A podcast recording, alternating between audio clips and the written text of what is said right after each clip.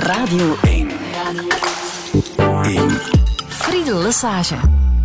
Touché. Touché, vandaag met Anne Vierstraten. Goedemorgen. Goedemorgen. Directrice van Art Brussels. Art Brussels dat afgelopen donderdag voor de 35ste keer de deuren mocht openen. Tweede keer in uh, Tourn en Taxis. En vandaag is het alweer de laatste dag. Het gaat snel vooruit, hè? Ja, ergens jammer genoeg. Ja, maar het waren zeer intense dagen, denk ik. Heel intense dagen, heel vermoeiend. Maar we zijn echt heel tevreden met het resultaat. Ja, het is echt fantastisch verlopen tot hiertoe. Uh, het is een prachtige editie waar men echt heel veel uh, van hedendaagse kunst kan opnemen. Zowel het meest uh, jonge talent, zal ik zeggen, nog niet internationaal bekend, als ook echt gevestigde waarden. Mm.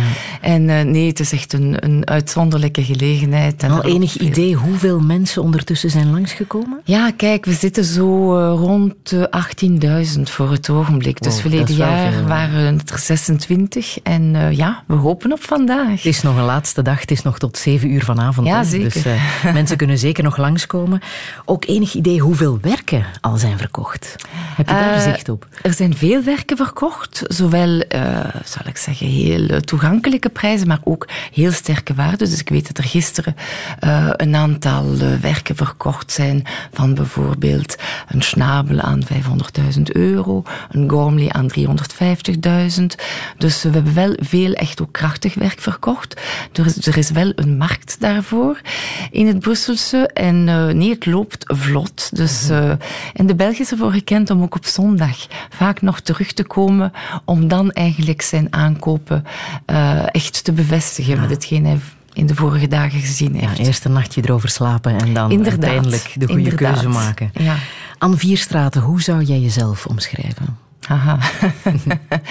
Goeie vraag. Kijk, ik denk ik ben een... Uh, door en door positief iemand. Dus iemand die wel een bepaalde levensvreugde heeft. Uh, heel enthousiast eigenlijk van karakter, ondernemend zeker. En uh, als enige meisje tussen uh, drie broers moest ik eigenlijk mijn mannetje staan. Dus uh, ik was verplicht zelfstandig en ergens toch ook, ik moest voor mezelf opkomen. Mm -hmm. en... Mag ik jou ook omschrijven als een vrouw die zeer hard achter de schermen werkt? Ik haal jou nu van achter die schermen vandaan, de schermen van uh, Art Brussels. Maar uh, binnen het wereldje ben je een bekende naam, daarbuiten iets minder, hè? Natuurlijk, en gelukkig. uh, ergens, ja, kijk, en het is ook het werk niet van één persoon. Ik heb een fantastisch team op Art Brussel. Toevallig enkel vrouwen, dus die permanent eigenlijk meewerken. Dat zijn er zeven in totaal, ik inbegrepen. Is dat jouw bewuste keuze om nee, enkel met vrouwen niet. te werken? Ik heb dus een deel van het team overgenomen en dan heb ik zelf ook personen aangenomen. In de kunstsector zijn wel heel veel vrouwen ook uh, te werk gesteld. Ook je ziet dat met de studies, hè, naar kunsthistorische studies en dergelijke, zijn veel vrouwen. En ik moet zeggen, het is een fantastisch team. Uh, die verrichten een, echt een enorm werk en we zijn allemaal heel uh, passiegericht en kunstminnend. Al enig idee wat je vanavond om zeven uur gaat doen als de deuren dichtgaan van Art Absoluut. Namelijk? Wel eens uh, champagne met het team, maar voor de, ver, voor de rest de beurs afbouwen. Ja, want het is niet afgelopen om Nee, zeven zeker uur. niet hoor. En ook niet in de komende dagen. Dus er is heel veel administratief werk. We zijn ook al heel veel bezig met 2018. Mm -hmm. En dat moet eigenlijk heel spoedig uh, er staan. Dus uh, ja, nog geen rust. Anne Vierstraten, welkom in Touché. Radio 1. Radio 1. Friedel Lesage. Touché. Some things in life are bad. They can really make you mad. Other things just make you swear and curse. When you're chewing on life's gristle, don't grumble, give a whistle. And this'll help things turn out for the best. And always look on the bright side of life. Always look on the light side of life. If life seems jolly rotten, there's something you've forgotten, and that's to laugh and smile and dance and sing. When you're feeling in the dumps, be silly chumps. Just purse your lips and whistle, that's the thing. Hey, always look on the bright side of life. Come on. Always look on the bright side of life. For life is quite absurd, and death's the final word. You must always face the curtain with a bow. Forget about your scene, give the audience a grin. Enjoy it, it's your last chance anyhow. So always look on the bright side of death. Uh, just before you draw your terminal breath. Life's a piece of shit when you look at it. Death's a joke, it's true. You'll see it's all a show, keep 'em laughing as you go. Just remember that the last laugh is on you. And always look on the bright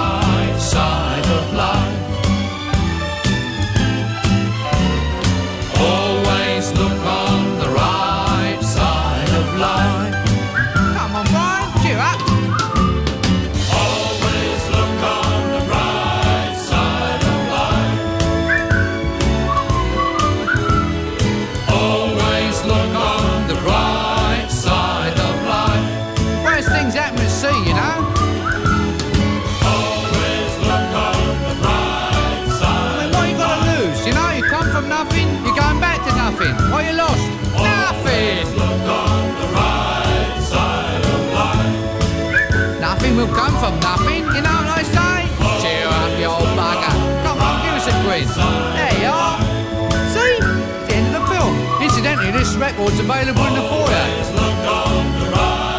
Got to live as well, you know. Monty Python met Always Look on the Bright Side of Life. Het past bij deze zonnige zondag aan Vierstraten, maar het past vooral ook bij jou. Hè?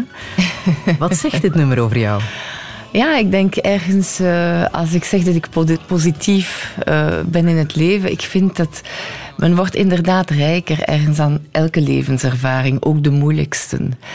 En uh, dat is eigenlijk iets dat ik met de tijd geleerd heb. Dat in elke dag, hoe moeilijk hij soms ook kan zijn, er is altijd ergens een vonkje. Iets waar je je aan kan optrekken.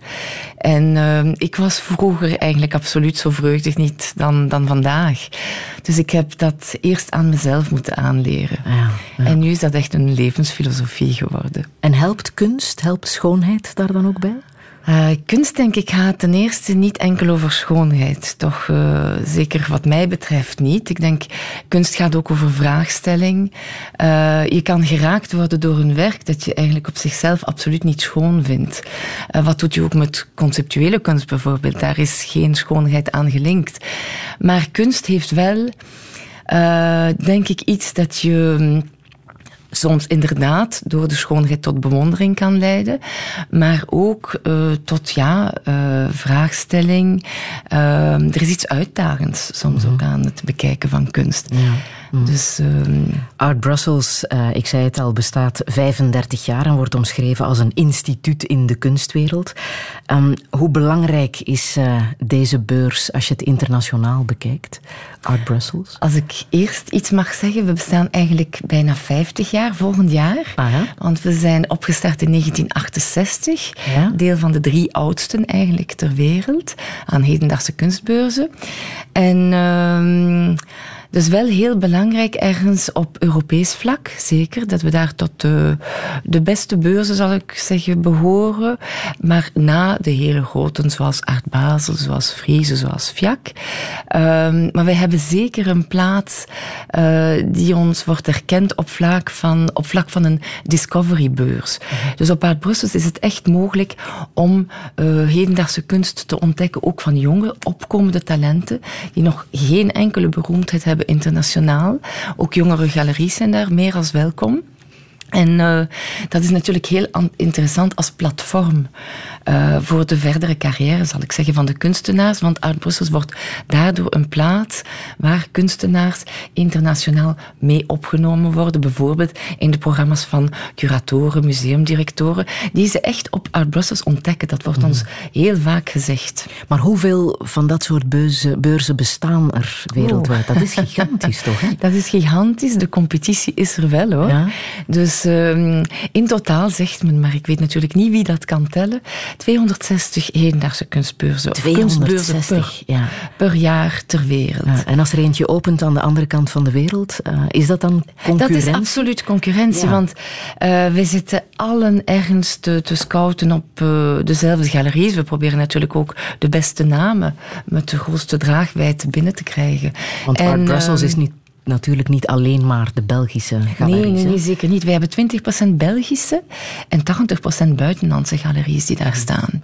Dus uh, beurzen, of een galerie kan niet meer dan 10, 12 beurzen per jaar doen. Dus naast de hele grote, waar iedereen natuurlijk absoluut naartoe streeft, moet je dan keuzes maken. En, waar hou jij je dan in aanloop naar de beurs het meeste mee bezig? Oh, met van alles. maar zoals ik gezegd heb, ik ben niet alleen. Dus promotie is natuurlijk heel belangrijk. Wij doen ook een soort, uh, ik zal dat geen roadshow noemen, maar wij organiseren presentatiediners, vaak ook in de Belgische ambassades in het buitenland, of consulaten. Dus we doen dat in, dit jaar hebben we Londen, Kopenhagen, Parijs, Genève, uh, wat hebben we nog gedaan? Wenen, Madrid. Niet altijd in een ambassade, soms ook bij een privéverzamelaar, waar we dus echt de beurs gaan promoten. En gans het Brusselse trouwens meenemen en het Belgische prentje. Mhm. Dus, want we hebben veel partnerschaps, dus met alle soorten instellingen, Wiels, Beaux-Arts, maar dat kan, kunnen ook kleinere instellingen zijn, zoals La Loge, Imal, uh, ET78. Dus echt met heel veel dat wij bezig zijn. En uh, dus het globale beeld van al hetgeen er in het Brusselse gebeurt en in België, op het ogenblik van Art Brussels, promoveren wij mee naar buiten toe. En hoe belangrijk is het dan om ja, die collectioneurs van over de hele wereld naar Brussel te krijgen? Want dat is een van jouw taken. Hè? Dat is een van de dingen waar je het meeste mee eh, bezig bent. Daar is één, uh, dus uh, ik heb twee personen binnen het team die daar inderdaad jaar in, jaar uit mee bezig zijn. Dat is heel belangrijk. Dus wij moeten inderdaad die bekende verzamelaars weten voor het Brusselse te winnen.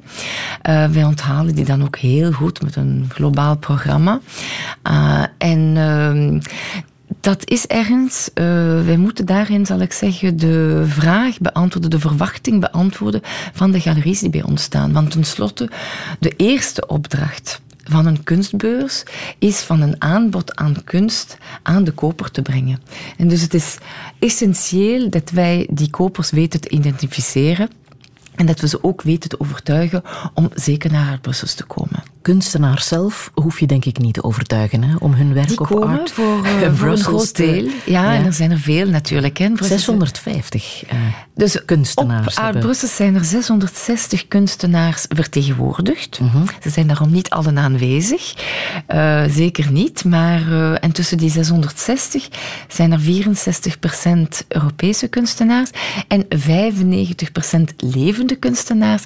Hetgeen toch heel duidelijk uh, aantoont dat wij een hedendaagse kunstbeurs zijn. Geeft dat een bijzondere vibe als de kunstenaars zelf ook tussen het publiek uh, rondlopen? Ja, ik moet eerlijk zeggen, dus als sommige mensen soms opmerken, oh, uh, we hebben een aantal jaren, maar die man wordt ook niet jonger, John Baldessari, echt als trouwbezoeker aan Art Brussels gehad. En natuurlijk, als je die man ziet binnenkomen voor die kunstverzamelaars die echt ook veel kunstenaars kennen, wees het ook via internet of soms rechtstreeks, als ze zien dat daar bekende namen rondlopen, dat, dat is heel fijn. Ja.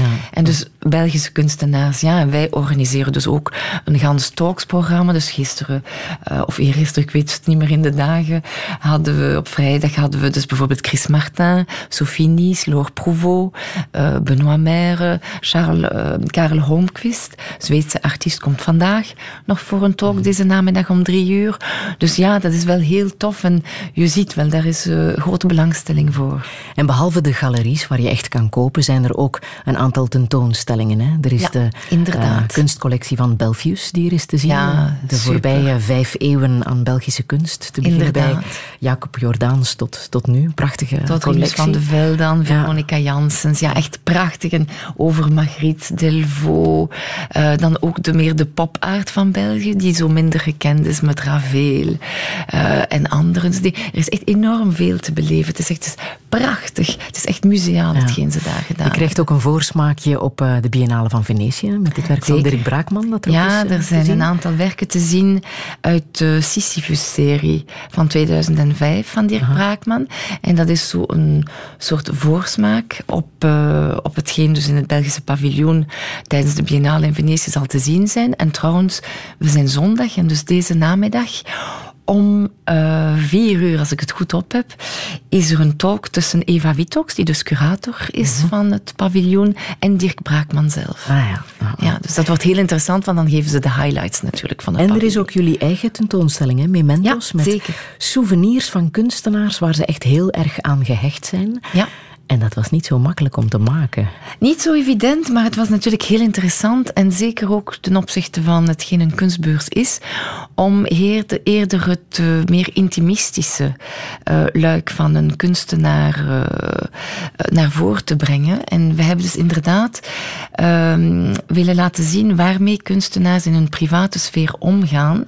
En of dan inderdaad tussen dit object dat ze ons toevertrouwd hebben. En soms is dat echt heel emotioneel Um, of dan inderdaad, dus welke de betekenis is van dit object voor hun. En of er ook een band is tussen dit object en hun uh, artistieke praktijk. Mm -hmm. En um, bij heel velen inderdaad hebben ze ons, uh, was die, die band er dus inderdaad. En uh, ik voel me enorm verantwoordelijk eigenlijk ja. in deze context van want het zijn echt zaken die je gewoonweg niet kan verzekeren. Want mochten ze ooit verloren gaan, ja, dan zijn ze onvervangbaar. Mm -hmm. En uh, wij hebben het ook met een van onze Belgische kunstenaars gehad. Hij had ons twee popjes toevertrouwd. Een van Suske en Wiske en Bernard, een andere poppetje, als ik het goed op heb. En uh, opeens kon het niet. Vijf dagen tevoren zei hij, sorry, ik kan het niet aan. Het zijn de laatste materiële uh, souvenirs uit mijn kinderjaren. Ja, dat was en dus hij heeft een certificaat aangeleverd. Uh, ik, zit nu, ik ben moe vandaag. En dus ik vreselijk te twijfelen, was het nu Joris van de Moord? Het was Joris van de Moord. Ah, ja. Heb jij zelf zo souvenirs waar je moeilijk afstand zou kunnen van doen?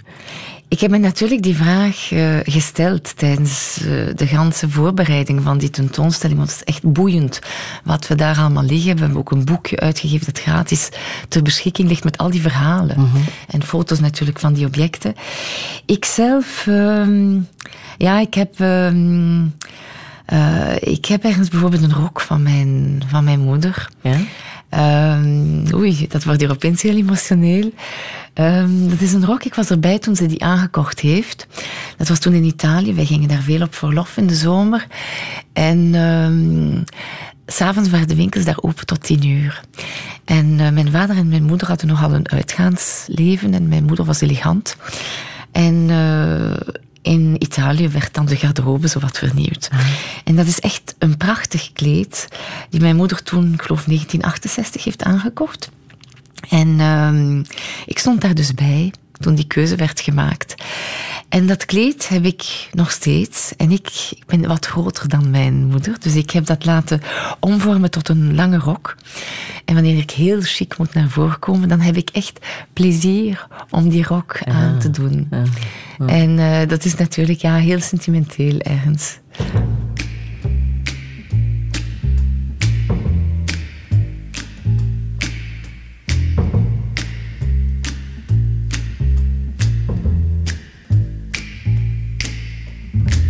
Never know how much I love you. Never know how much I care. When you put your arms around me, I get a fever that's so hard to bear. You give me fever. When you kiss me, fever when you hold me tight.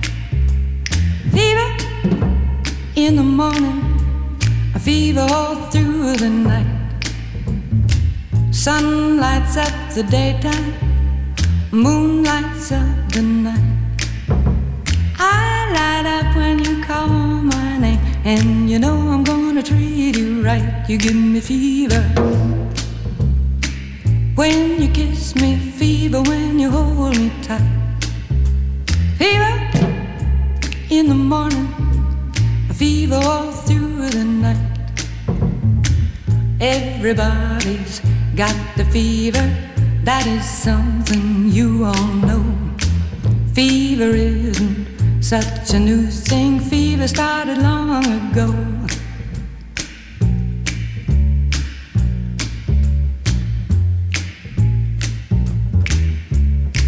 Romeo loved Juliet.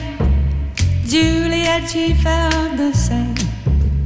When he put his arms around her, he said, Julie, baby, you're my flame. Now give us fever. When we kiss it, fever with thy flaming youth. Fever, I'm a fire. Fever, yea, I burn forsooth.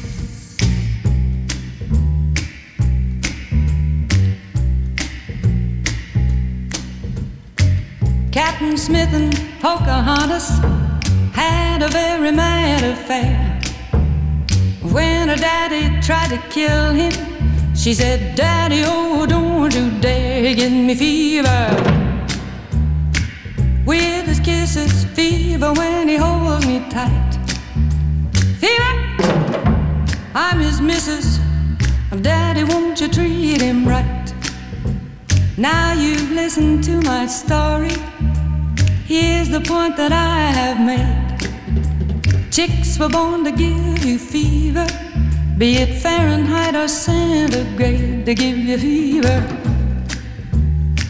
When you kiss them, fever, if you live, you learn. Fever, till you sizzle. What a lovely way to burn. What a lovely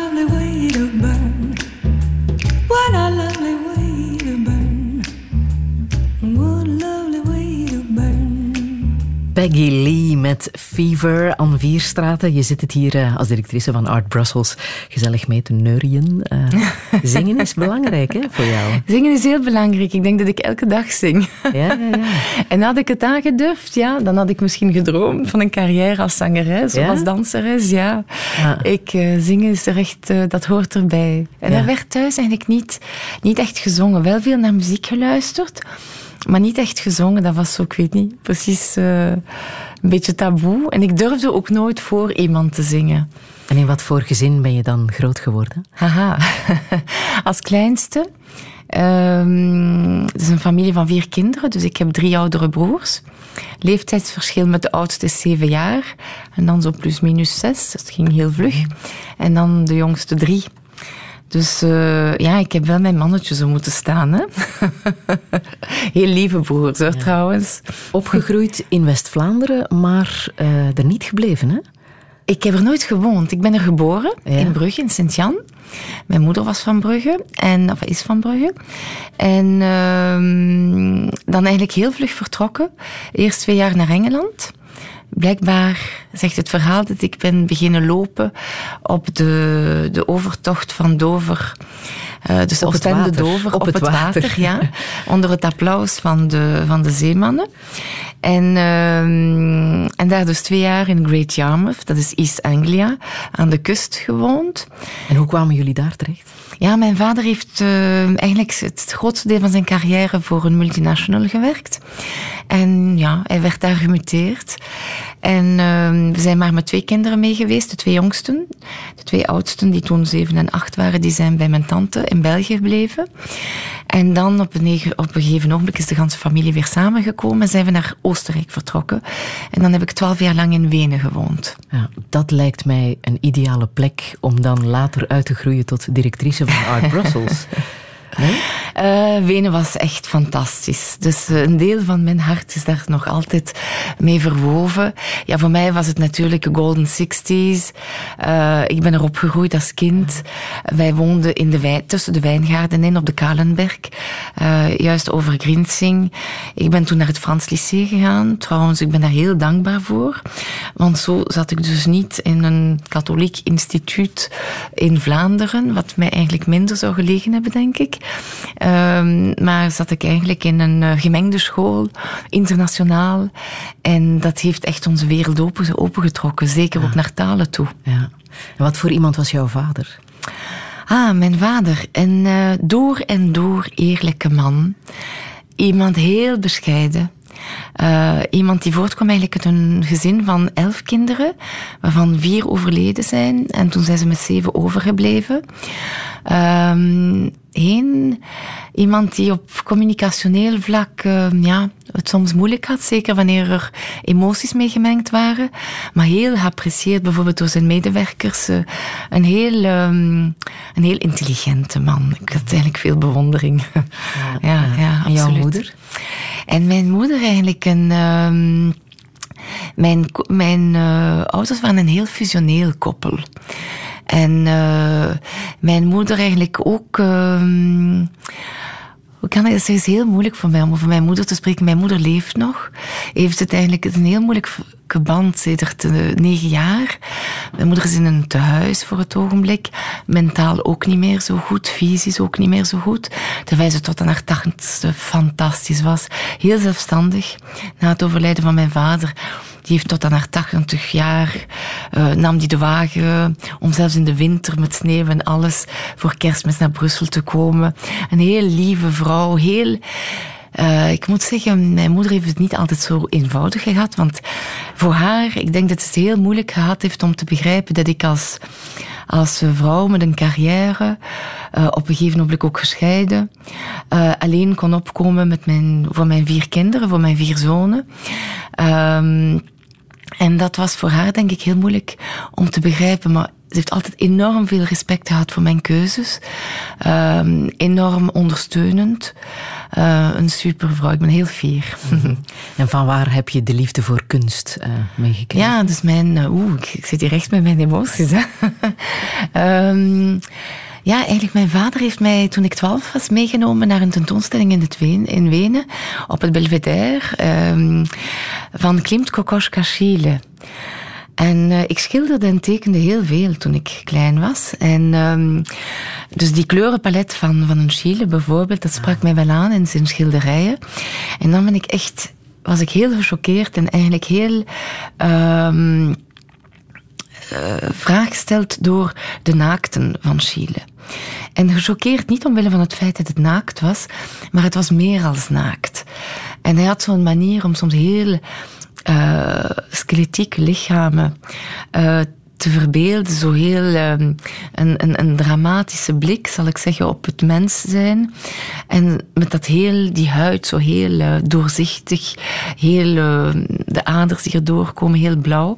Dus dat was wel ergens een eerste dat heeft mijn nieuwsgeer ergens gewekt. En ja, vroeger werden geen internet of niks, dus ik zat dagenlang te verbrengen in de encyclopedie van mijn ouders, van alles te lezen, prentjes op te zoeken. En ik bekeek alles wat ik kon zien naar prentjes. En dat was natuurlijk veel kunst, van de oude meesters toe tot, tot, ja, tot uh, alles wat men in een encyclopedie kon vinden. En dus zo ben ik eigenlijk op zoektocht, gera op zoektocht geraakt naar kunst. En dan ja, bij mijn zeventiende ben ik uh, Twombly uh, tegen het lijf gelopen op een andere tentoonstelling. En dan dacht ik, ah, en dus kunst kan ook dat zijn. Uh -huh. En ik weet niet waarom, maar met Tom is daar echt iets gebeurd, iets ontstaan. Wat bedoel je dan? En, kan ook dat zijn? Ja, als je, als je zijn werk bekijkt, dan dat zijn soms, soms enkel maar zo van die krabbeltjes op een papier, waar je soms niet uh, met potlood, met van alles, uh, waar je zo geen orde in uit kan maken, waar je zo zegt, wat heeft dat nu te maken met kunst? Maar voor mij was dat enorm vraagstellend. En... Uh, uh, ja, dus zo ben ik dan eigenlijk in het hedendaagse geraakt. Ja. En dan ben ik van alles beginnen bekijken. En uh, op alle vlakken trouwens. Ook, ook, ook muziek, uh, dans. als ik 16 was, ben ik bijvoorbeeld op een dag naar de munt getrokken, alleen. Want niemand wou eigenlijk echt mee. Ben ik naar Einstein on the Beach gaan kijken met muziek van Phil Glass. Dus uh, dat duurde, ik geloof als ik het mij goed herinner, je kon kiezen tussen de versie 8 uur of 16 uur. Dat was de eerste keer dat ik de munt binnenkwam. Ik heb gekozen voor de versie van 8 uur. En dus ik heb daar alleen gezeten met mijn, mijn fles water en mijn boterhammetjes. en ik vond dat gewoon weg overweldigend, grandioos. Dus...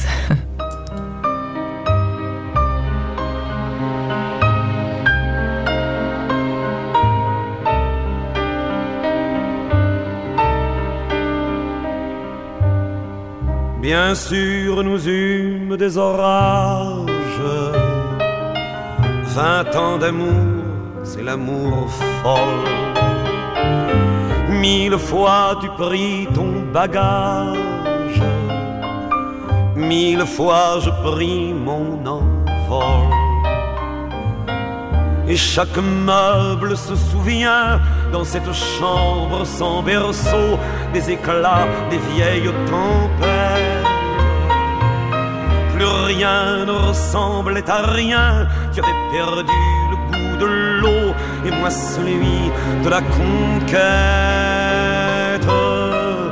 Mais mon amour, mon doux, mon tendre, mon merveilleux amour, de l'aube claire jusqu'à la fin du jour, je t'aime encore, tu sais,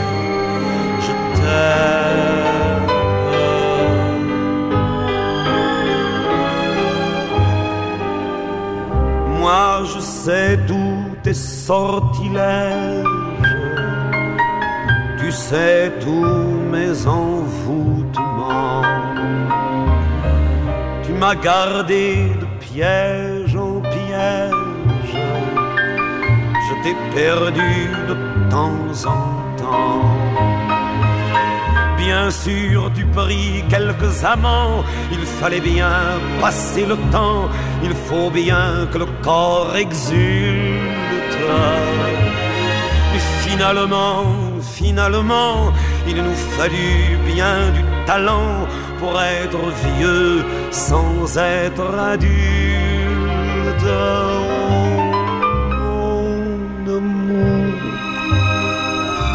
Doux, mon tendre,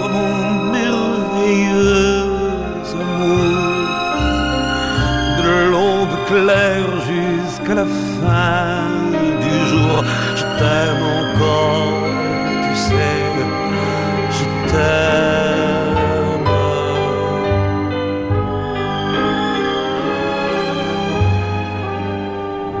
Et plus le temps nous fait cortège, et plus le temps nous fait Mais n'est-ce pas le pire piège que vivre en paix pour des amants? Bien sûr, tu pleures un peu moins tôt, je me déchire un peu plus tard, nous protégeons moins nos mystères. On laisse moins faire le hasard, on se méfie du fil de l'eau, mais c'est toujours la tendre guerre. Oh mon amour, mon doux, mon tendre, mon merveilleux amour, de l'aube claire jusqu'à la fin du jour, je t'aime encore, tu sais, je t'aime.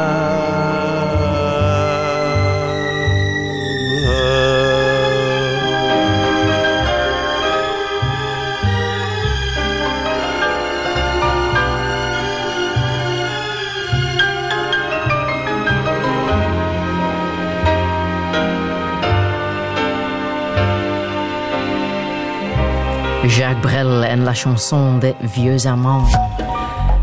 De politie waarschuwt voor een hond op de E313 van Antwerpen naar Luik, ter hoogte van Hasselt-West op de pechstrook. Daar is het dus opletten. En het is ook vertragen op de binnenring rond Brussel tussen Groot-Bijgaarde en Wemmel en op de E17 van Gent naar Frankrijk tussen Aalbeke en de grens. En nog door een loopwedstrijd is in Antwerpen de Waaslandtunnel in beide richtingen gesloten. Ook de Jan de Vos-tunnel richting centrum is uh, dicht. Hou in en rond Antwerpen rekening met mogelijke verkeershinder. Touché. Anne Vierstraat, ik zag jou voluit genieten van Jacques Brel daarnet. La chanson des vieux amants heb je gekozen. Ja, daar, dat is buiten categorie natuurlijk. Hè? Ja, ik denk het. Ik, uh, ik weet echt niet. Die, die man heeft een zo'n, uh, hoe kan ik dat nu verwoorden? Want ik ben nog onder de indruk van het liedje eigenlijk. Het is, uh, die interpretatie is zo grandioos. De, man, de manier hoe hij die tekst echt naar voren brengt en meeleeft, uh, ja, dat spreekt me echt aan. Dus ik denk dat is echt een enorm talent tussen onze Belgische artiesten eigenlijk. Zegt dit ook iets over jouw liefde voor de Franse taal en misschien voor talen in het algemeen? Ja, de Franse taal vind ik inderdaad een heel mooie taal. Het is eigenlijk de taal waarin ik uh, ja, mij het meest thuis voel. Ik ben erin naar school gegaan.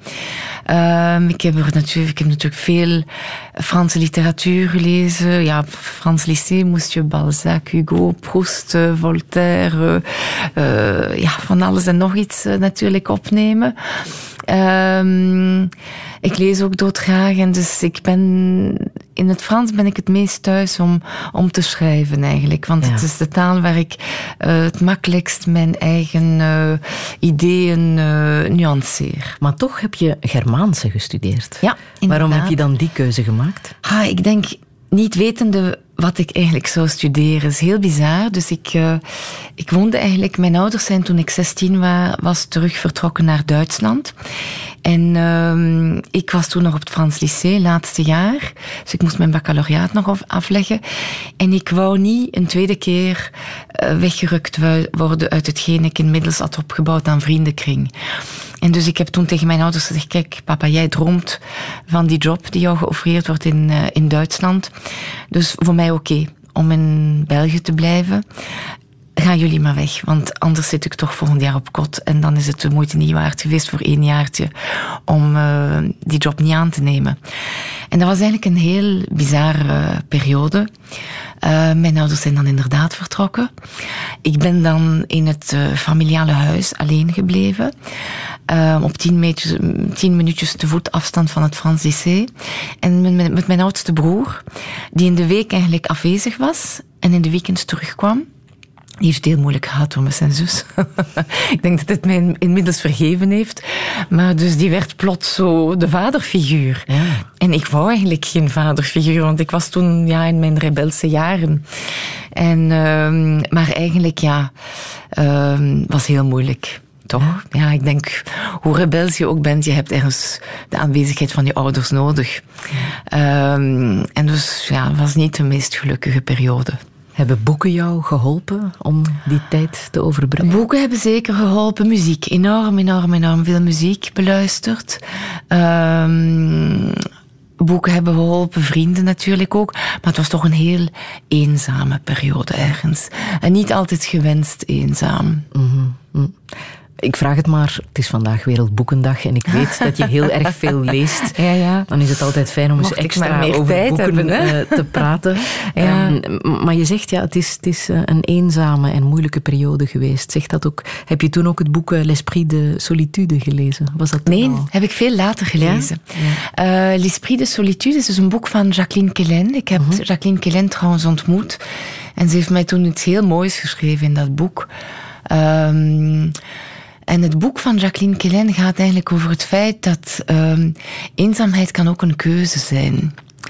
En wij leven in een wereld waar men uh, permanent gesolliciteerd wordt om samen te zijn. En als je nu ziet met de iPhones, de social networks en dergelijke, je moet eigenlijk kiezen om dat ding af te zetten. Om te zeggen, nu heb ik recht om wat tijd voor mezelf te hebben.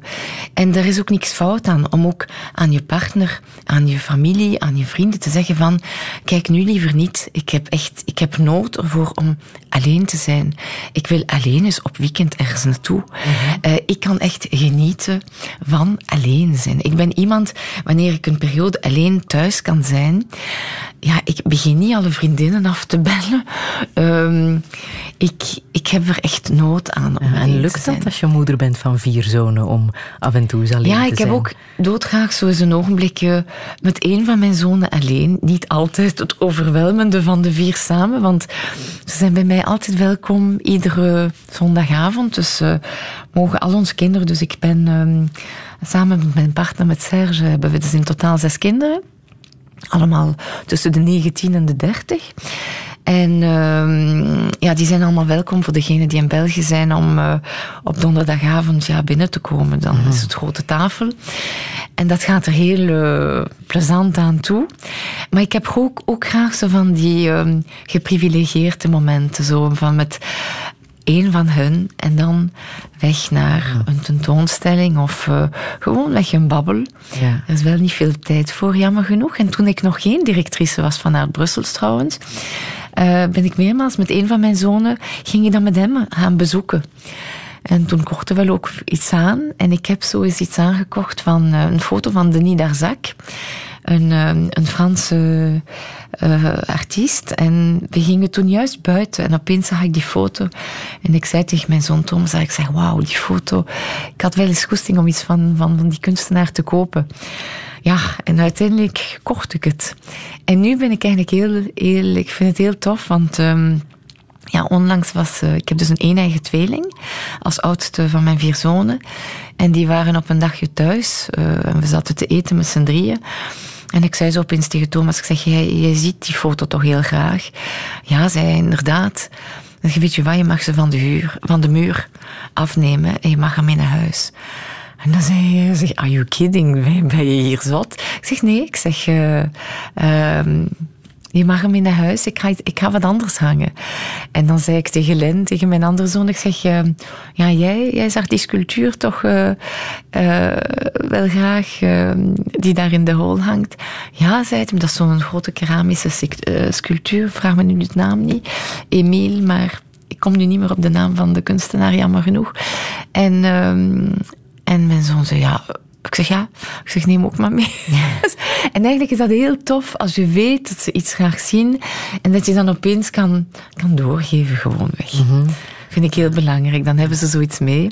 En voor hun was het belangrijk, want zij, zij wonen samen voor het ogenblik. Ja. Dus als één eigen tweeling. Niet ze beiden genieten van die werken. Maar nu dat ze beiden werken, zitten ze dus eh, samen in een appartement waar het precies als in een kot omgaat. Maar, ja. maar dus je hebt Germaanse gestudeerd, nu directrice van Art Brussels. En daartussen zit een hele lange periode bij Bang de Groof. Hè? 18 jaar lang bij Bang de Groof. Um, heel toffe periode. Um, waar ik dus eigenlijk het geluk gehad heb om mijn eigen job te mogen oprichten, wat echt een privilege is. Dus gestart met een kleine afdeling PR, public relations dus, die uitgegroeid is tot een, een volwaardig communicatie en dan marketing en communication departement. Uh, voor een kleine internationale groep. Want in het begin waren we 175, één enkele vestiging, Brussel. En dan is het uitgegroeid internationaal, Frankrijk, Spanje, Zwitserland, eh, Nederland uh, uh-huh. en Luxemburg en nog wat. En, uh, en dus mijn verantwoordelijkheid groeide gewoonweg mee. En dan had ik het grote geluk van bij het legaat Goldschmidt in de jaren negentig uh, Hans dit legaat te mogen in, in de ganse loop naar de musea voor schone kunsten, de tentoonstelling, de catalogus, uh, de verkoop ook, de, de openbare verkoop van de werken die het museum niet voor zich behield. Dus dat, dat stond testamentair, dat dat moest verkocht worden ten bate van een fonds dat moest opgericht worden om levende kunstenaars, hedendaagse kunstenaars, verder te, te ondersteunen.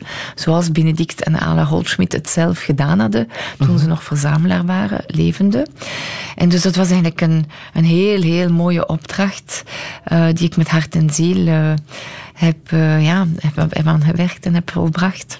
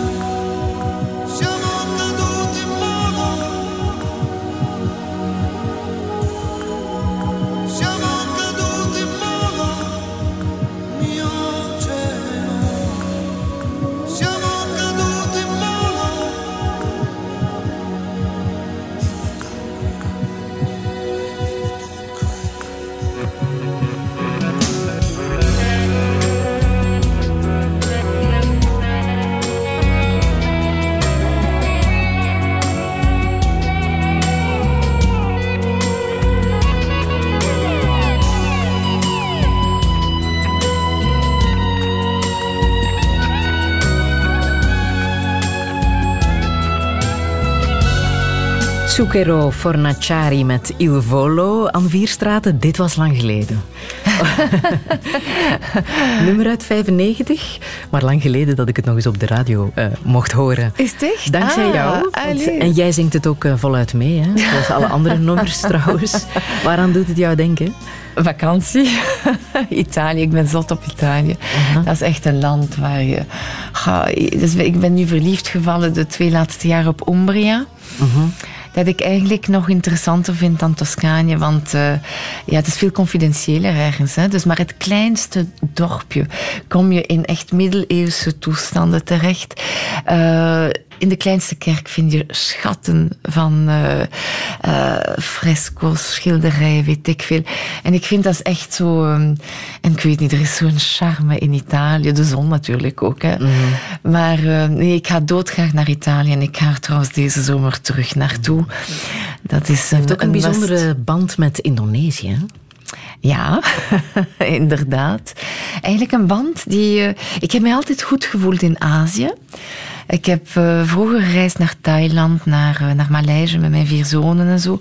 Ehm, en nu is het eigenlijk Indonesië en dat is eigenlijk eh, de, de keuze van mijn partner, die ehm, daar een, bijna tien jaar geleden verliefd op geworden is.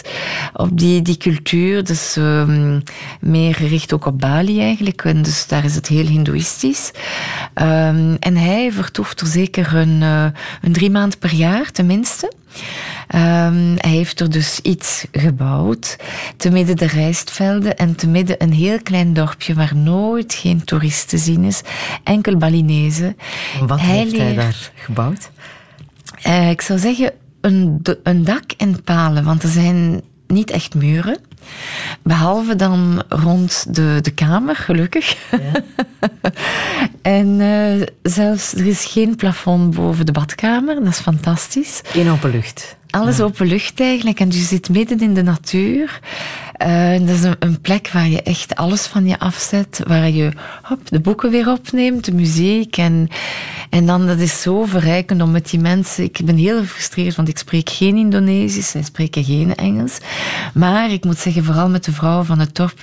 communiceer ik heel veel met de ogen en de gebaren. En wij huilen telkens als we, goeie, als we vaarwel zeggen tot, tot de volgende keer. En bij mij is Wat, dat wat telkens is de, de bedoeling van zijn plek daar? Met, eh, Voor hem is het echt een, een soort refuge om. ehm, hij zegt altijd, hij heeft veel humor. Dus eh, eh, hij zegt altijd dat hij een, een mislukte autist is. En eh, dus van eenzaamheid gesproken. Hij gaat daar zijn, zijn eh, behoefte om ergens met zichzelf bezig te zijn. En zeker ook om te schrijven. Hij schrijft relatief veel, hij leest enorm veel. Ehm, en dus, eh, ja, dat is zo zijn plek waar hij zo afstand neemt van de herrie en, en nog wat. Dus hij heeft Hans zijn leven daar naartoe gericht. En heeft dat heel clever geweet, weten te doen hoor. ja, ja. Ik heb nog veel muziek uit eh La Melio Gioventù. Dan Yes. zitten we terug in Italië. hè? Ja. ja, ja. Ja. Wat vond je zo bijzonder aan die film? eh? Eh, ik denk dat dat iets is dat mij aangesproken heeft om, omwille misschien zelfs van de herinneringen van die ganse periode waar... ehm, van, eh, ja, ik, ik ben ergens een kind van mei 68, hè? dus eh, ik bedoel, ik was toen acht jaar oud. Dus je pikt dat ergens mee zonder je echt gewaar te zijn wat er echt gaande is, maar...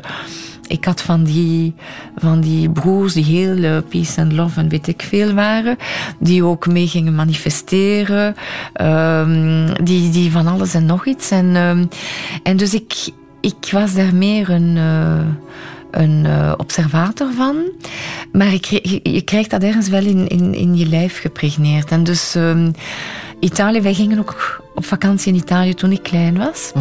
Dus ehm, heel, het- alles dat daar.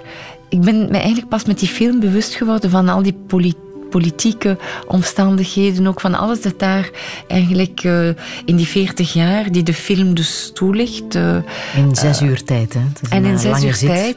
En ik, voor mij zit, had dat nog eens zes uur mogen duren hoor. Ik, eh, ik was het niet beu gekeken.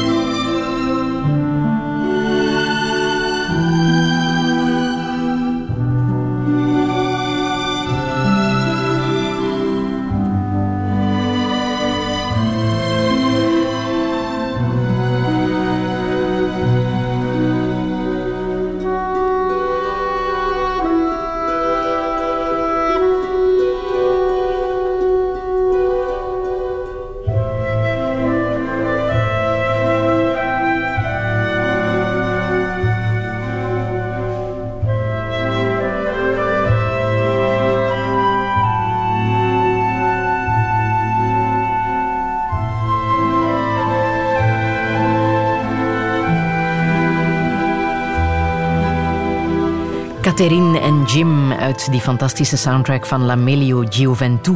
Muziek van eh, Georges Delruche. Zometeen na het nieuws praat ik verder met Anne Vierstraten, directrice van Art Brussels. En ondertussen vertel ik ook graag nog even dat we over twee weken de 200ste Touché vieren. Dat doen we vanuit de Schouwburg 30cc in Leuven. Ik kan je verklappen dat de ertebrekers voor de feeststemming zullen zorgen en eh, dat deze gasten een podiumplaats krijgen. Paula Semer, Ergis Brokai, William Boeva, Kamal Karmach, Tanja van der Zande, Peter van der Meers, Karel Antires, Rudy Franks, Wim Willaert en Arno. Die komen allemaal en ik reken erop dat jullie er ook bij zijn. Insch- Inschrijven kan via onze website radio1.be.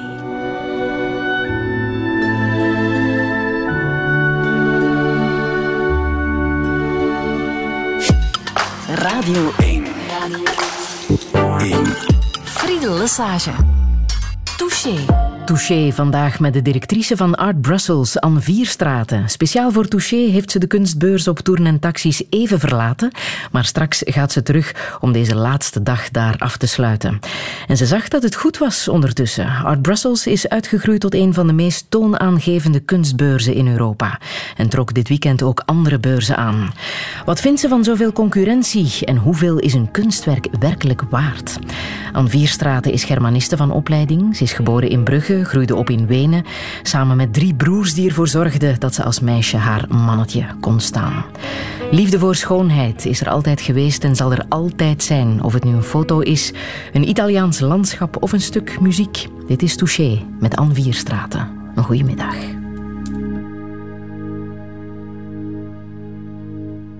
These mist-covered mountains are now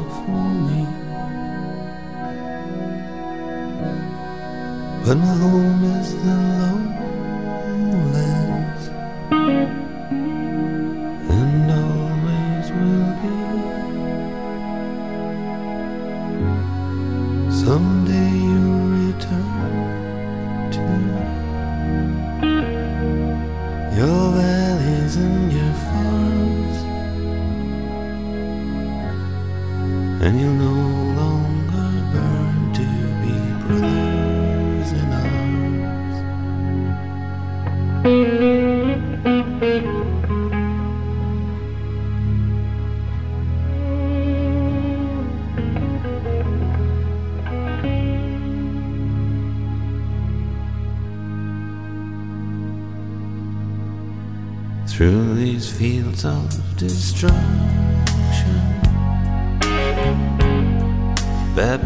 blossoms are falling.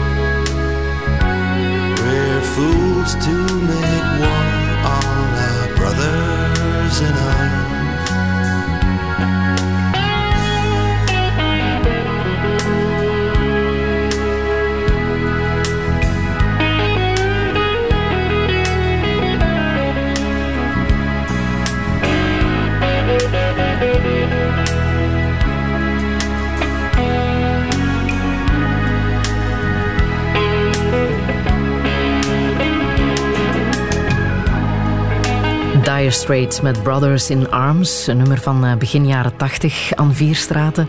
Dat je absoluut wou laten horen. Hè? Waarom precies? Kijk, uh, ten eerste, ik ben echt een, een Dire Straits en een Mark Knopfler fan. Ja.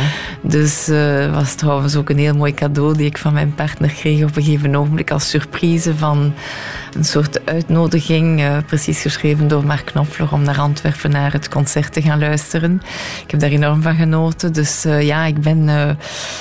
ik hou van die gitaar, die man speelt fantastisch. Ik hou van die stem en ook zijn teksten zijn echt mhm. heel... Ehm, ja, die gaan heel diep. Dit refereert naar de Falklandoorlog hè, van begin jaren tachtig. Ja. ja. Is het ook dat wat jou bezighoudt? Uh, dat kunst uh, moet gaan over wat de wereld bouleverseert, wat, uh, wat ons gaan?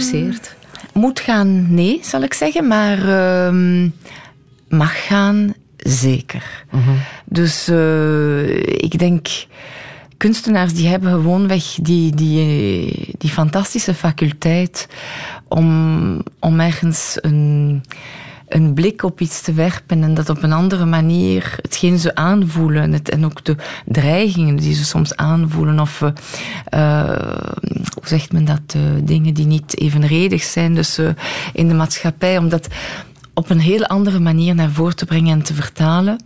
Zodanig dat dat inderdaad vraagstellend is en ook ergens um, vragen ja, opwerpt en ons ertoe aanspoort om eventueel in actie te treden of uh, er een groter debat rond te gaan leiden. Want wat op dit moment uh, wereldnieuws is, is uh, ja, de hongersnood in Somalië, Nigeria, Jemen en Sudan. De grootste humanitaire crisis sinds de Tweede Wereldoorlog. Dat zegt Philippe Henon van het consortium 1212. De situatie is des te schrijnender in vergelijking met voorgaande jaren. We zitten nu met 20 miljoen mensenlevens die bedreigd worden, waarvan anderhalf miljoen kinderen. Het zijn landen in oorlog, landen in conflict. En dat maakt uiteindelijk ja, dat we ja, een grote oproep moeten doen en dat we nu moeten handelen om zoveel mogelijk kinderlevens en mensenlevens te redden. Touché. Er is ondertussen wel al 6 miljoen en meer dan 6 miljoen euro ingezameld, maar dat is niet genoeg natuurlijk. Storten kan nog altijd via 1212. Heb jij dat trouwens al gedaan aan Vierstraten? Ik heb het nog niet gedaan, maar ik steun wel. Uh, ik doe dat meestal niet op de meest actuele momenten, maar ik steun wel uh, jaar in, jaar uit. Uh, onder andere ook Le Resto du Coeur. Dus uh, ik, ik ben wel reactief als ik zo van die dingen hoor. Dus ik wil wel beloven dat ik het zal doen. En ik zal dat dan ook inderdaad zo. Ja, ik vind het heel belangrijk. Dat is een grote vraag. Ik vind het heel.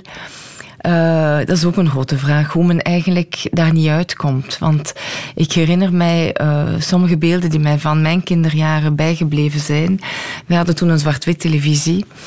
Um, en dat waren dus de, toen tijdens de Biafra-oorlog, het Biafra-conflict, dus de, die, die, die waterbuiken van die, van die kinderen die onder hongernood leden, van de mensen ook, die helemaal, dat waren echt nog, enkel nog beenderen en vel. En um, ik kom eigenlijk uh, uit een christelijke familie. Dus mijn, mijn ouders waren heel geloofwaardig. En uh, uh, dat werd dan ook gediscuteerd thuis. En wat werd ook altijd gezegd aan tafel. We moesten ons bord leeg eten. En ik heb mij eigenlijk, dat was dan mijn manier om, om dingen echt op mezelf uh, te nemen. Ik heb mij heel lang schuldig gevoeld. Zo, dat ik het zo goed had en anderen niet. Ik kon naar mijn honger toe eten en zij en, en vele anderen niet. En ik vind maatschappelijk is het toch heel um, aangrijpend dat ergens de clivage tussen de superrijken en de, degenen die echt niets hebben. Uh, telkens maar groter wordt en dieper ingaat in onze maatschappij. We zien dat ook nu met alle asielzoekenden. Dat zijn dramatische toestanden die daar teweeg komen. En dat is wel iets dat mij heel, heel erg uh, aan het hart grijpt. Mm -hmm. En merk je dat? Want ook uh, de voorbije dagen op Art Brussels heb je natuurlijk contact met uh, heel welstellende mensen die mm. veel geld uitgeven aan, aan kunst. Ja. Is daar veel empathie voor wat er in de wereld gebeurt? Voor wat er buiten dat beschermde milieu gebeurt? Ja, dat is natuurlijk onze vraag niet naar dit publiek op het ogenblik dat ze daar op Art Brussels zijn. Art Brussels is ergens om een soort feest van de hedendaagse kunst te celebreren. En wat die mensen dan al dan niet doen, Uh, naast het feit dat ze eventueel in kunst geïnteresseerd zijn of in kunst investeren, ja, dat is natuurlijk mijn verantwoordelijkheid niet.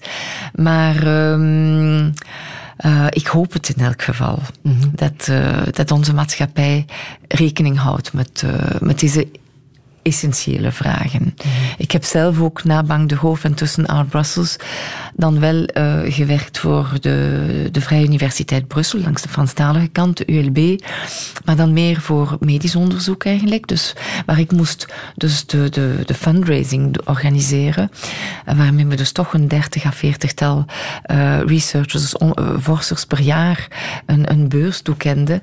En um, dat had wel, it made sense om in een dergelijke omgeving te werken. Want daar zie je toch ook, ook wel met heel essentiële kwesties van leven en dood.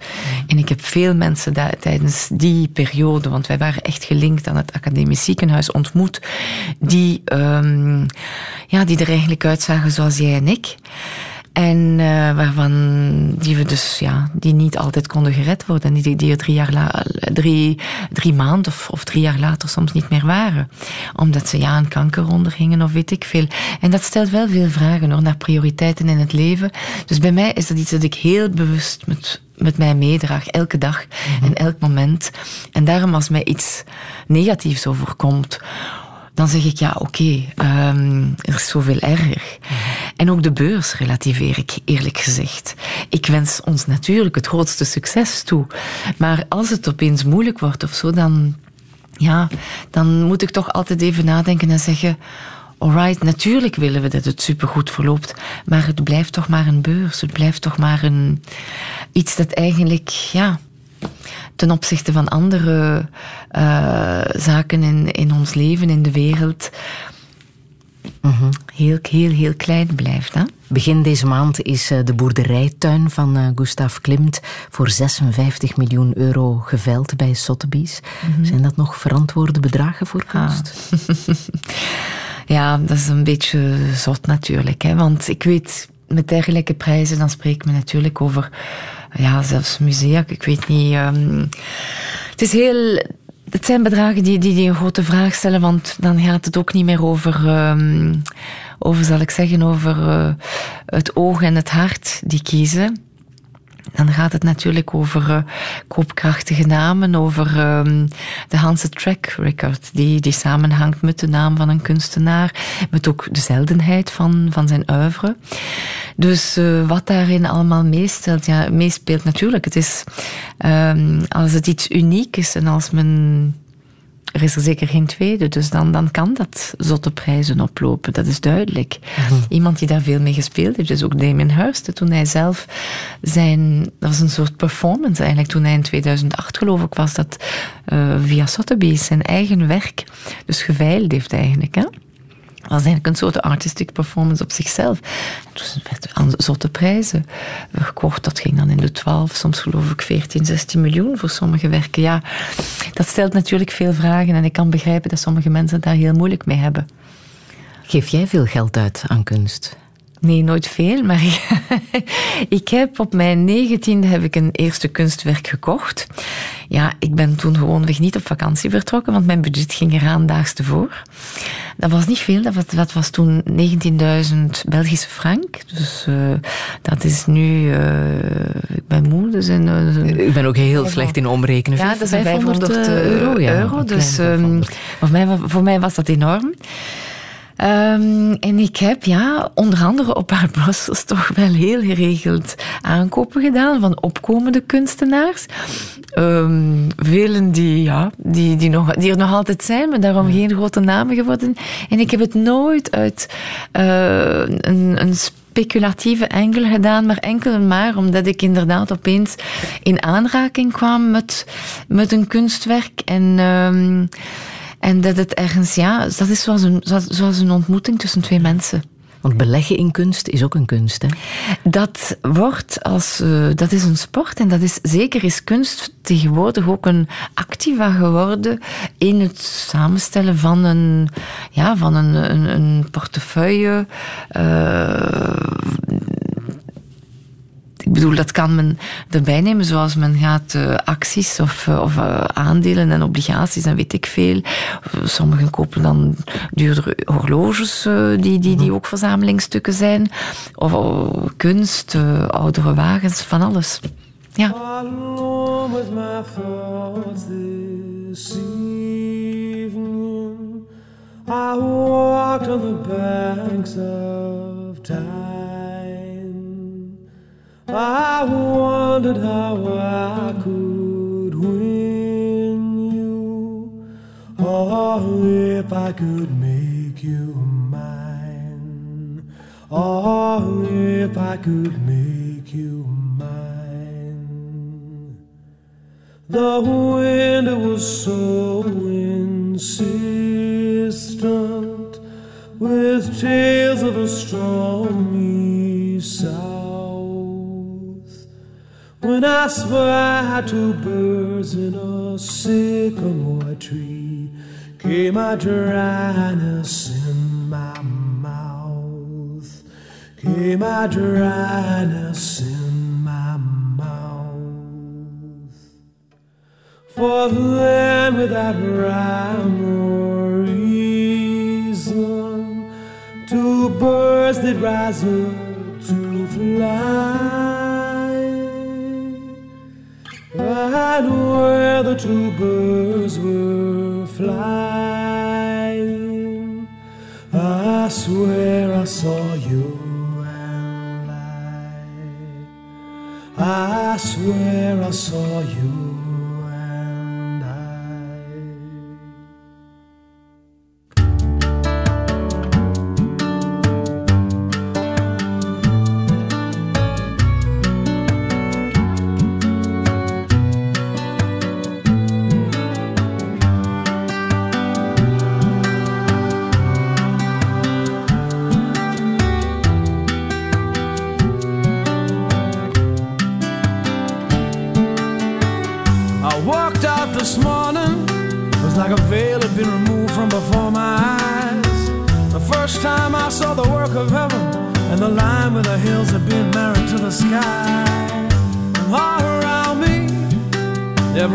of singing grass was calling out your name, that our love will always last. And inside every turning leaf is the pattern of an older tree, the shape of our future, the shape of all our history. And out of the confusion, where the river meets the sea, came things I never seen.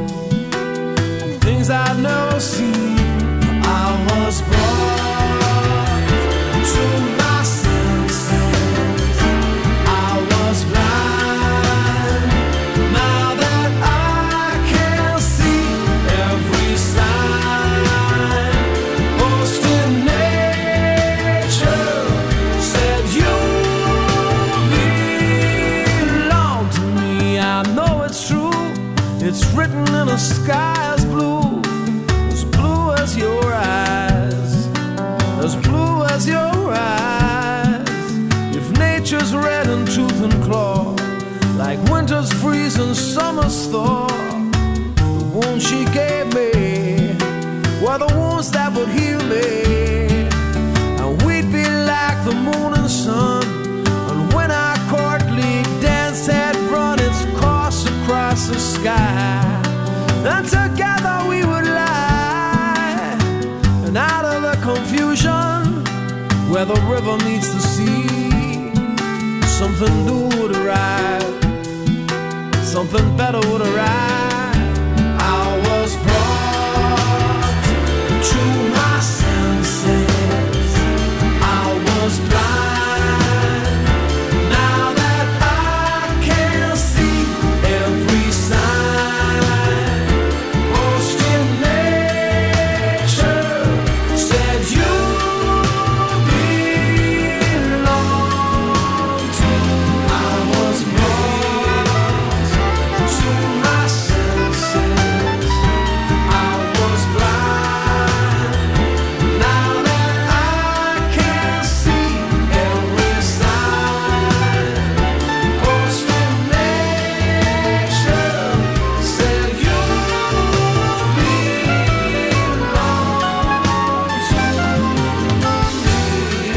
I was brought to my senses van uh, Sting. Hij is 65 ondertussen, staat 40 jaar op de planken. Tegenwoordig met zijn zoon is hij aan het toeren. Hij was ook in, uh, in ons land.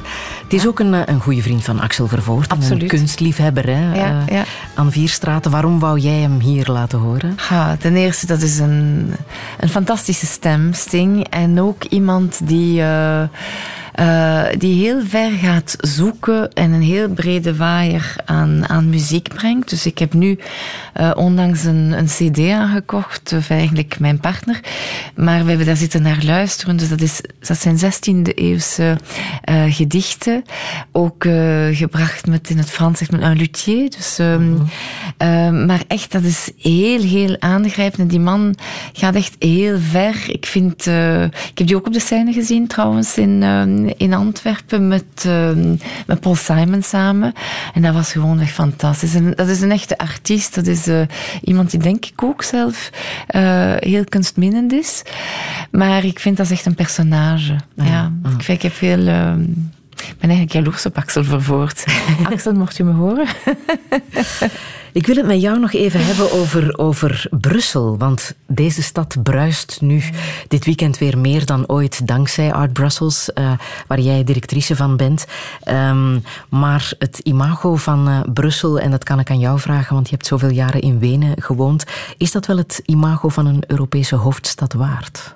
Ja, dat wordt hier plezant. Um, Brussel. Ik hou heel erg van Brussel. Laat ons dat als eerste punt zeggen. Ik voel er mij thuis. Um, ik ben er echt een heel trotse ambassadeur van. We werden dus trouwens onlangs door Visit Brussels uh, gekozen bij de Br Brussels Ambassadors. En wij trekken dat ook altijd mee in ons prentje wanneer we uh, Art Brussels in het buitenland uh, gaan presenteren. Brussel heeft enorm veel te bieden, maar um, het wordt niet telkens naar voren gebracht wat al die schatten zijn die hier in Brussel deels ook liggen te slapen. Dus ik ben, uh, ja, de musea's hebben hier reserves die wel eens zouden mogen publiek raken, want daar zijn echt schatten tussen. Als ik, het, als ik zo eens kijk, dan uh, komen er nieuwe musea bij, dan maakt men, ja, sluit men banden aan met Pompidou en dergelijke.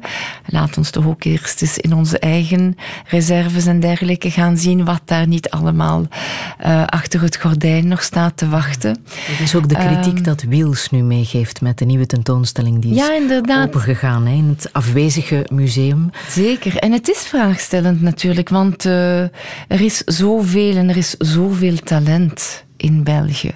En ergens, maar men moet dat op een globale manier aanpakken. Het gaat niet enkel over de musea, het gaat ook over de mobiliteit.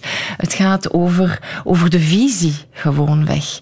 Over, bedoel, we hebben je, spreekt, je hebt het over Wiels. Wiels is iemand die enorm veel bijgedragen heeft, dus met Dirk Snauwaard om inderdaad uh, de, de artistieke scène in het Belgische internationaal echt bekendheid te geven. Mm -hmm. uh, was nog een van, ons, van onze galeristen die het gisteren ook beklemtoonde. Van dat is echt een platform naar buiten toe. En die bewijzen ook dat je met minder middelen toch heel sterk naar voren kan komen. Maar al die energie die gestoken wordt in het zoeken naar partners, naar financiële middelen, mocht er daar inderdaad een grotere steun op komen, ja, dan kan je nog veel, veel meer verwezenlijken natuurlijk. En dan kan je aan onze grootstad inderdaad meer grandeur geven. Ik heb inderdaad twaalf jaar lang in Wenen gewoond. Mensen zeggen tegen mij, wat een geluk dat je gehad hebt. Ik was er heel gelukkig. Maar ik zeg altijd, de stad toen ik er woonde, die was grijs en zwart. En die zag er absoluut, die stond er niet te pronken zoals vandaag. Wanneer ik nu uh, naar Wenen terug ga om daar aan Brussels en Brussel mee te promoveren, ja, dan zeggen mijn collega's tegen mij, amai, wat, wat is dat hier mooi. Ik zeg, ja, maar dat is allemaal restauratie die in die 40 jaar gebeurd is. Het mobiliteitsplan, de voetgangerszone, super intelligent geïntegreerd in het stadsmidden. De, de manier hoe het openbaar vervoer daar georganiseerd. Dus ik, ik sta daar maar ja, inderdaad te kijken van waarom was dit met Brussel niet mogelijk. Wij zitten in Brussel moet daar een voorbeeld aan nemen, aan een stad als Wenen? Ja, waarom niet? En er zijn er zoveel. Ik was onlangs in Kopenhagen op de Belgische ambassade om daar uh, Scandinavische verzamelaars te overtuigen en, en, curatoren om naar Brussel te komen. Ze zijn er trouwens, dus dat was mooi meegenomen. Maar ook, ik heb er niet veel tijd gehad om rond te wandelen, maar dat lijkt, me, dat leek mij gewoon een superplezante stad. En het feit ook dat Brussel echt een magneet is geworden voor hedendaagse kunst, bewijst ook de vier andere beurzen die net dit weekend zich uh, vastklampen aan iets als Art Brussels. Hè. Je hebt uh, Independent in het uh, prachtige Van der Borcht gebouw. Je hebt Of Course Art Fair. Je hebt ja. Young International Art Fair. Propositions in ja, ING. dat betekent wel wat. Um, maar is dat concurrentie voor Art Brussels? Of zie je dat net als een bewijs dat Art Brussels een zeer grote betekenis heeft? Het is zeker het bewijs dat wij succes hebben tot over de grenzen. En dat is inderdaad dat uh, anderen ervan uitgaan dat hier, uh, dankzij Art Brussels, een uh, heel interessant en heel dynamisch platform bestaat, ehm, zeker tijdens die Art Brussels Week, aan verzamelaars, curatoren, dat hier echt een heel specifieke aandacht op wordt gericht, waardoor dit, die andere beurzen inderdaad uh, zich naast ons profileren in het prentje. Dat is één zaak. Of daar inderdaad voldoende ruimte voor is in Brussel, kan ik tegenwoordig echt nog niet uh, beantwoorden. Waarom? Verleden jaar was een heel bizar jaar, dus met heel bijzondere omstandigheden omwille van de terroraanslag exact één maand voor de, de beurs plaatsvond. Dus wij hebben toen echt um, annulatie gehad van zeker de Amerikanen, de Aziaten die ingeschreven stonden. En dat waren er veel, want we hadden inderdaad uh, redelijk uh, de beurs daar gepromoveerd. Um, dus dat was heel jammer om dat te zien gebeuren. was ook logistiek heel moeilijk voor sommige Europeanen om dan naar Brussel te komen. Dus we hadden ons vertrouwde publiek voor een deel ook niet aanwezig. Ondanks alles hadden we toch groot succes verleden jaar. Dus dit jaar zal natuurlijk misschien uh, op een gemakkelijkere... Enfin, zal ons permitteren om ons een beter beeld te vormen. Want op het einde komt ook voor die beurs het erop aan dat de galeries die hun uh, vertrouwen in, in, in, in die beurzen zetten, dat zij ook uh, het aanbod aan kunst dat zij willen op de markt zetten, ja, dat daar ook kopers voor te vinden staan. Want ieder moet tenslotte op het einde van de beurs zijn rekening betalen. Hè? En, ja, en liefst ook met, met wat winst naar huis gaan. En dat is onze eerste opdracht. Want ik zeg wel altijd, het Art heeft echt een educatief luik. En daar wil ik op aandringen. Het is heel belangrijk van te weten, je hoeft geen drempelvrees te hebben. We hebben ook elke dag, en het is nog niet te laat voor vandaag, om drie uur en om vijf uur hebben we dus een rondleiding gratis. Uh, waardoor je dus inderdaad een, een heel goed beeld kan uh, opmaken van hedendaagse kunst. En ook de sleutels in handen krijgen van hoe moet ik dat nu interpreteren? Want zo toegankelijk is het niet altijd. Hè? Zelfs voor de experts niet.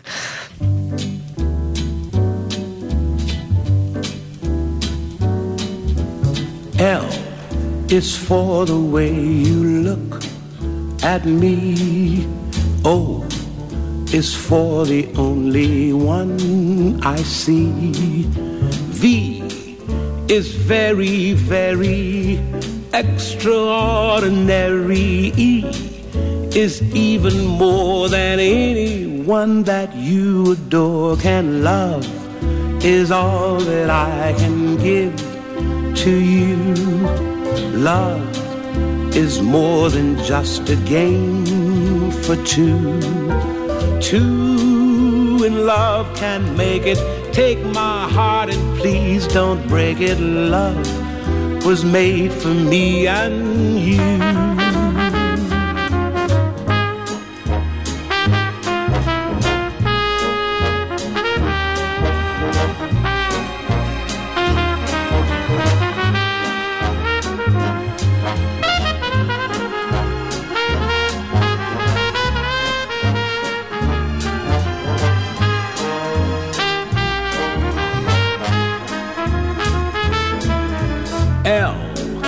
Is for the way you look at me.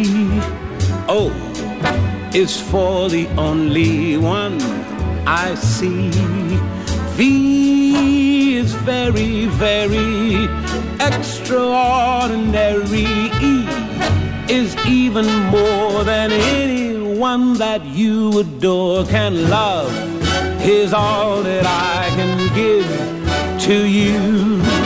Love is more than just a game for two. Two in love can make it. Take my heart and please don't break it. Love was made for me and you. Love was made for me and you. Love was made for me and you.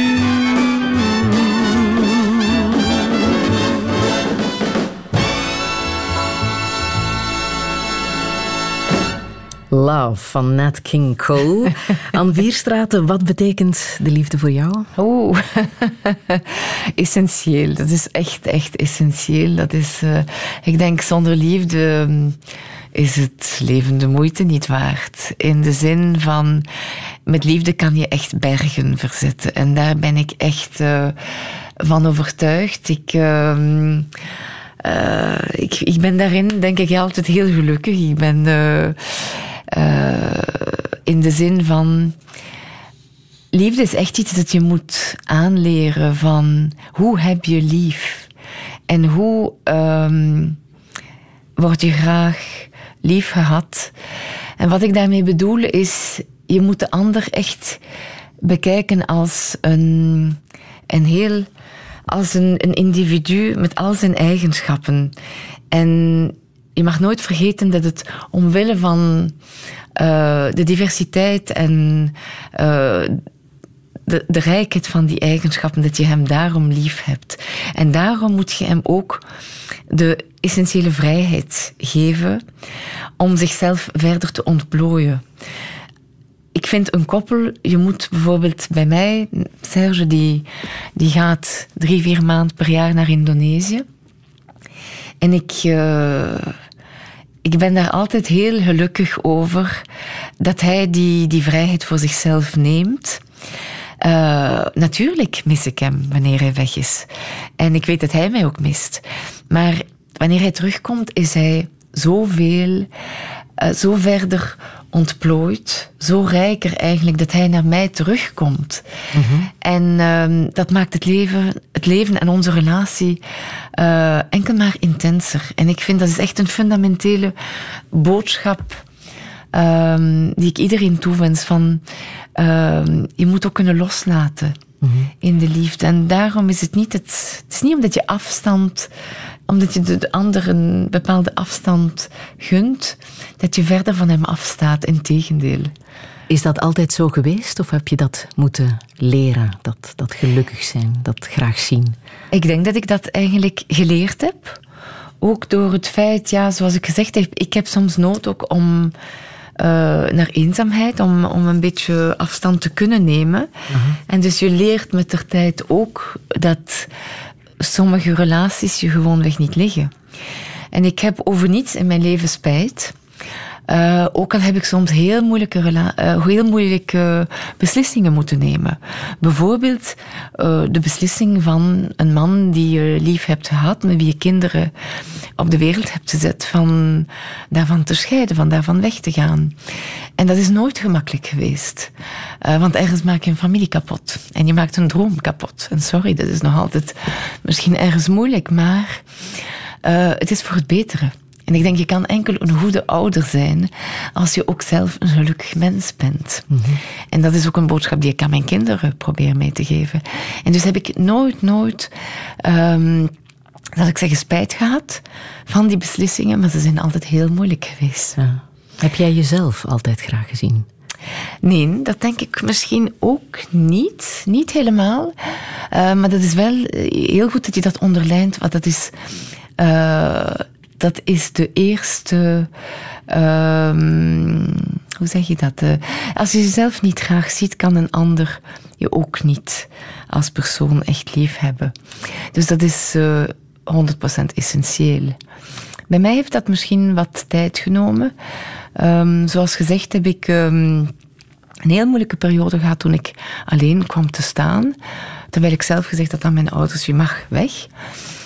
En tenslotte was het toch heel moeilijk en heel, uh, heel uitdagend. En um, ik heb toen ook te kampen gehad met, um, uh, hoe noem je dat in het Nederlands, gedragsstoornissen naar voeding toe. Dus ik heb zowel anorexia als bulimia gehad. En dat bestond, daar werd eigenlijk niet over gesproken vroeger. Dus dat, was dan, dat is begonnen toen ik plus minus 16 was, dus 1976 dat is iets waar je. Mm, daar werd geen naam op geplakt. Ik kon daar ook met niemand over spreken. Ik was wel, door het feit dat ik mij zo verdiepte in die encyclopedie, wist ik dat je met schildklierproblemen dikker en dunner kon worden. Dus dat was mijn excuus naar de buitenwereld toe. Want ik had soms 15 kilo meer en dan weer 15 kilo minder. En uh, uh, ik heb daar 20 jaar over gedaan om daar vanaf te komen. Ik heb dat heel, heel erg weg, weggestoken ten opzichte van mijn ouders, van mijn broers, van mijn vrienden, uh, van mijn partners. Maar uh, ik ben daar echt door heel, heel zwaarwegende tunnels gegaan. En op een dag heb ik echt, ja, je dacht, ik dacht ook, ben ik hier hek? Wat gebeurt er met mij? Want uh, beiden is heel, heel vraagstellend, is heel moeilijk. Um, voor mij was het moeilijkste luik misschien de bulimia. Omdat dat is uh, total loss of control. En dus je gaat ook met een gevoel van schaamte uh, rond. Is echt heel, heel, uh, met een heel negatief beeld van jezelf ga je rond. En, um, en dus ik heb echt zelf heel veel geïnvesteerd in alle mogelijke zoektochten eh, dus ik heb me daarbij ook laten helpen natuurlijk, door psychologen, door alles en nog wat. Echt op zoek gaan naar mezelf. Um, waarom? Uh, waarom is dit gebeurd? Uh, ja, wie ben ik dan? En, um, en ik heb echt geleerd om om mezelf te gunnen dat ik mijn zwakkere momenten had. Dat ik... Uh, maar dat dat ook deel uitmaakte van hetgeen mij rijk maakt. En, uh, en dus ben ik mij ja, als een eenheid uh, beginnen graag zien. En daar is niks fout in. En dat zal ik zeggen, ik vind mijn christelijke opvoeding. Ik, uh, ik heb heel vroeg afstand genomen van uh, dus van het naar de kerk gaan en dergelijke. Met twaalf heb ik aan mijn ouders gezegd, wat trekt dat hier op? Ik ga hier in de regen gaan wandelen, terwijl dat jullie toch weten dat ik niet in de kerk sta. Um, want ik vond daar niet hetgeen dat ik zocht. En ik, ik heb iets tegen hetgeen men als groep, als collectiviteit aan iemand oplegt. In het gedankensysteem, dan in het geloofssysteem. Ik wil voor mezelf uitmaken waarin ik geloof. Maar ik vind wel dat in de christelijke waarden is er enorm veel goed. En daar ben ik mijn ouders ook heel dankbaar voor. En dus dat heb ik wel meegetrokken voor mezelf. En um, bij ons thuis, je mocht jezelf zo niet mooi vinden als je in de, in de spiegel keek. Je moest zo heel bescheiden omgaan met jezelf. En, um, en dat is ook heel goed. Maar ik moest me daarom toch niet schuldig voelen, omdat ik mezelf misschien gun dat ik liefwaardig ben. Dus dat heb ik echt moeten aanleren. Om te zeggen van, ja, het is super oké als, ik, als ik vind dat ik zelf uh, iemand ben die, uh, die iemand anders heel goed kan liefhebben. Ja. Kan je dan zeggen waarin je nu gelooft? Ik geloof in de is. mens en ik geloof in. Um, in uh, ik heb het gezegd, mijn vader was een heel eerlijk mens. Dus voor mij zonder eerlijkheid. Je moet eerlijk zijn ten opzichte van jezelf, ten opzichte van anderen. Uh, dus authenticiteit, echt, uh, daar geloof ik in. ik ben iemand die altijd. Um, ik hou van om de mensen eigenlijk te vertrouwen. Als ik intuïtief met iemand een band kan hebben, dan, dan hun ik mijn, mijn vertrouwen. En, uh, en dan, dan bouwen we daar verder op voort. En uh, ik, dus, ik ben heel intuïtief eigenlijk in het aanvoelen van, van mensen. Maar dus eerlijkheid, authenticiteit, vrijheid, zelfstandigheid je moet er echt, uh, ik vind vrijheid en respect voor, voor jezelf en voor anderman. Dat is misschien wel het eerste dat ik mijn kinderen heb aangeleerd. En het is ook super als ouder als je zo uh, onrechtstreeks in, als je ze ziet hoe ze omgaan in hun leven, als je ziet dat ze van dit waardesysteem het meest essentiële meegekregen hebben. En als ze je ook soms zelf zeggen van, wauw, um, mam, nu, nu begrijp ik zo uh, wat je ons zo hebt meegegeven. En dat is het mooiste cadeau dat je eigenlijk kan hebben. Ja. Blackbird singing in the dead of night. Take these broken wings and learn to fly. All your life. You were only waiting for this moment to arise.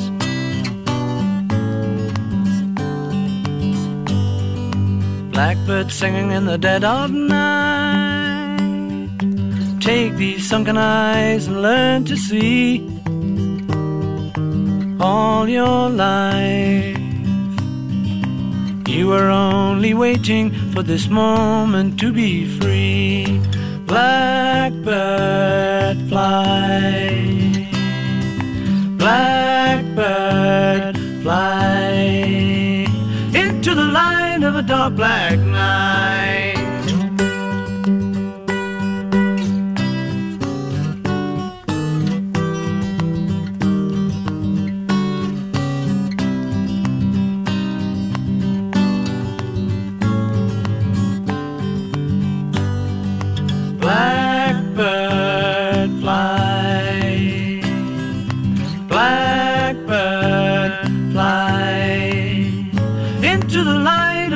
Black night.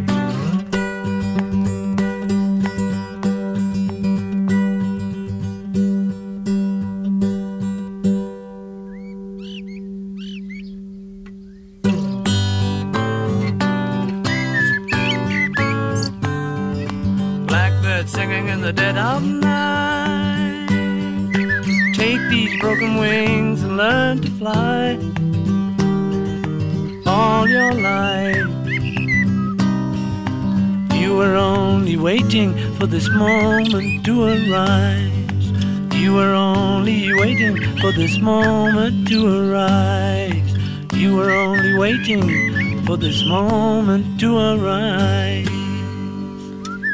Blackbird van de Beatles aan vier straten. Past perfect bij, bij wat je zo net aan het vertellen was. Hè? Ja, dat was eigenlijk het slaapliedje dat ik altijd aan mijn vier zonen gezongen heb. Want, En daar zit eigenlijk al een boodschap in van hetgeen ik mijn zonen heb proberen bij te brengen.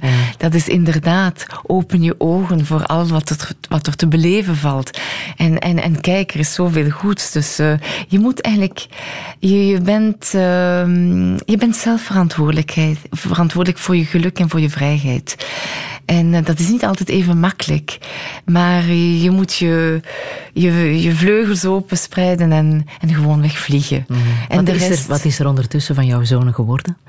Mijn zonen, dus nu zijn dus de tweeling, die, die wonen samen. Dat is een heel bijzondere band. Dat is echt uh, heel, heel, heel... Dat is fantastisch. Dat zijn jongens die zijn nu 28. Ik heb die nooit triest gezien. Dus die zijn echt, die hebben zoveel aan elkaar en zijn toch heel open naar de buitenwereld toe. Dus dat, daar ben ik heel dankbaar voor. En de twee anderen, Marin en Orion, zijn ook heel, heel toffe jonge gasten. Uh, dus de een studeert nog communicatie. En, uh, en Orion, als hij mij mocht horen, dan uh, weet hij dat ik echt sta te beven voor zijn schooljaar, want het moet er absoluut door. Ja. maar het zijn echt heel toffe kerels. Ja, natuurlijk. Ik heb gewild dat ze zelfstandig en vrijgevochten zouden zijn, dus dat, daar moet ik wel soms voor betalen als moeder. Dan ben ik een beetje ongerust. Maar nee, heel, heel lieve jongens. Ik heb heel veel geluk daarin. Ja. Je bent 57, ik mag dat verklappen. Ja, natuurlijk. Wat zou je echt nog willen in het leven? Ha, zeker de tijd hebben om um, op, uh, om nog zoveel dromen te verwezenlijken en op een gezonde manier uh, ook uh, nog veel te kunnen doen. Ik heb, bedoel, ik zou, ik zou nog heel veel willen reizen. Ik zou nog ook willen, willen bijdragen op andere vlakken. Um, Zoals?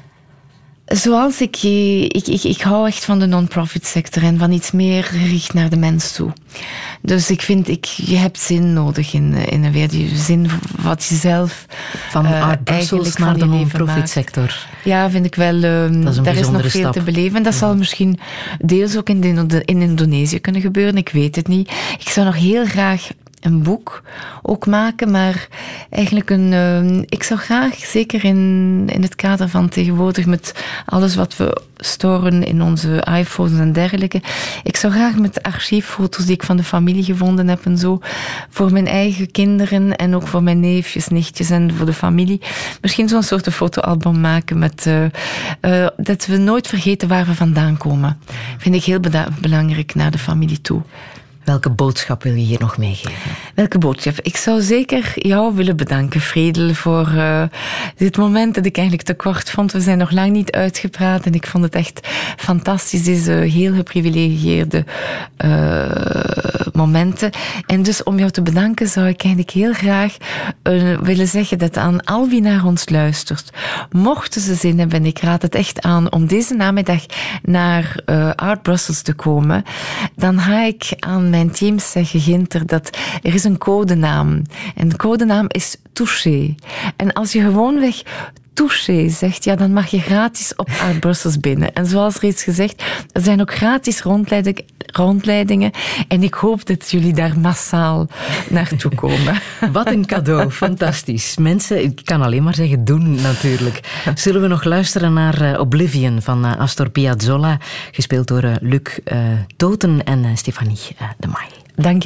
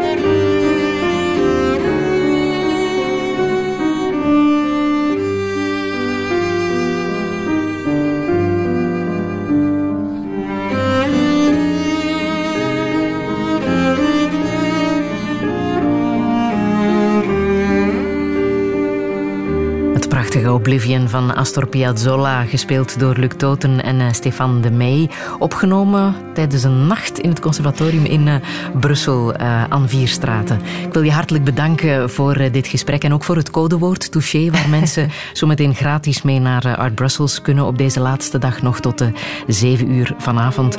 Ik wil ook zeggen dat we op zondag 7 mei de 200ste touché vieren. We doen dat in de Schouwburg van Leuven en we doen dat vooral met zeer veel gasten. Ertebrekers die komen spelen. Paula Semer zal er zijn, William Boeva, Tanja van der Zanden, Peter van der Meers, Rudy Franks, Willem, uh, Wim Willaert en Arno. Ik hoop dat jij ook uh, nog eens langskomt, de 7e mei. Als, Als je, je in het uitnodigt, bent, zeker. Bij deze, uiteraard.